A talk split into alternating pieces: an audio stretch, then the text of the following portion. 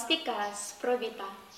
Para saudara dan saudari yang terkasih, kita sedang berada di Pekan Suci. Sebentar lagi kita merayakan kebangkitan Tuhan Yesus. Ngomong-ngomong tentang kebangkitan nih, benar nggak sih Yesus itu bangkit? Ada yang bilang Yesus bangkit atau tidak, tidaklah penting. Bagi kita, kebangkitan sangatlah penting. Itulah inti iman kita. Kalau Yesus tidak bangkit, tidak ada gunanya kita percaya, dibaptis, menghayati hidup Katolik yang sulit. Kitab suci kita tidak ada nilainya kalau Yesus tidak benar-benar bangkit. Masa mau percaya kepada Yesus yang tidak bangkit? Memang tidak ada seorang pun yang menyaksikan secara langsung Yesus itu bangkit. Pun juga para muridnya tidak. Tetapi itu tidak berarti Yesus tidak bangkit. Tetapi bagaimana menjelaskan Yesus benar-benar bangkit? Yuk, mari kita lihat kitab suci. Kalau saudara dan saudari pada saat ini memiliki kitab suci, silakan buka Injil Yohanes 20 ayat 1 sampai 9. Injil Yohanes bab 20 ayat 1 sampai 9.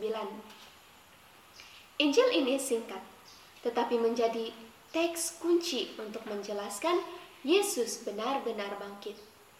Ini adalah Injil yang dibacakan untuk hari Minggu Paskah. Ada beberapa tokoh yang terlibat dalam kisah ini. Ada Maria Magdalena, ada pemimpin para murid Yesus, yaitu Petrus, dan satu lagi murid kesayangan Yesus, Yohanes. Jelas ya, Yohanes adalah murid kesayangan Yesus. Artinya juga paling dekat dengan Yesus. Petrus dan Yohanes berlari ke dalam kuburan itu. Petrus masuk, kemudian Yohanes. Apa yang mereka temukan di sana? Jenazah Yesus tidak ada. Tapi apakah Yesus bangkit? Belum tentu. Karena bisa saja dicuri orang. Dalam kubur kosong itu, mereka menyaksikan ini. Kain kapan yang terletak di tanah, sedangkan kain pelu yang tadinya ada di kepala Yesus tidak terletak dekat kain kapan itu, tetapi agak di samping di tempat yang lain dan sudah tergulung. Saudara dan saudari, apa artinya ini? Kubur Yesus kosong, tetapi juga rapi. Ada kain yang digulung dan dilipat rapi. Ini artinya pekerjaan orang hidup, bukan orang mati.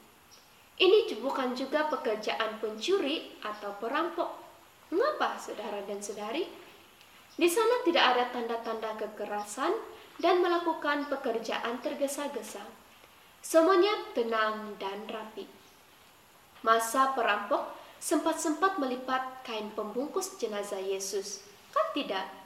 Nah, dari situ para murid tahu Yesus yang terbaring dalam kubur itu hidup, bangkit ia bangkit seperti orang yang baru bangun dari tidurnya, melipat kain-kain yang menyelimutinya, merapikan kembali tempat tidurnya, lalu pergi. Apakah bukti ini cukup untuk menggambarkan kebangkitan Yesus? Bagi orang tertentu, belum. Tetapi dari kesaksian selanjutnya dari Injil ini, Yohanes masuk ke kubur itu, melihat dan percaya. Dua kata penting apa yang dilihat Yohanes? Kubur dan kain-kain yang ada dalam kubur itu semuanya rapi. Yohanes melihat kubur yang tenang, seperti melihat sebuah kamar yang rapi. Dari situ dia percaya. Percaya apa? Percaya bahwa Yesus itu sudah hidup dan Yesus itu bangkit. Nah, yang menjadi persoalannya kok langsung percaya gitu ya? Petrus tidak seperti itu padahal sama-sama masuk di dalam kubur. Begini, Yohanes adalah murid yang paling dicintai Yesus, maka ia paling dekat. Yohanes tentu tahu kebiasaan gurunya. Mungkin dia tahu bagaimana Yesus merapikan tempat pembaringannya dan melipat selimut-selimutnya semasa hidup. Yohanes tidak perlu bukti langsung untuk tahu Yesus bangkit dan hidup.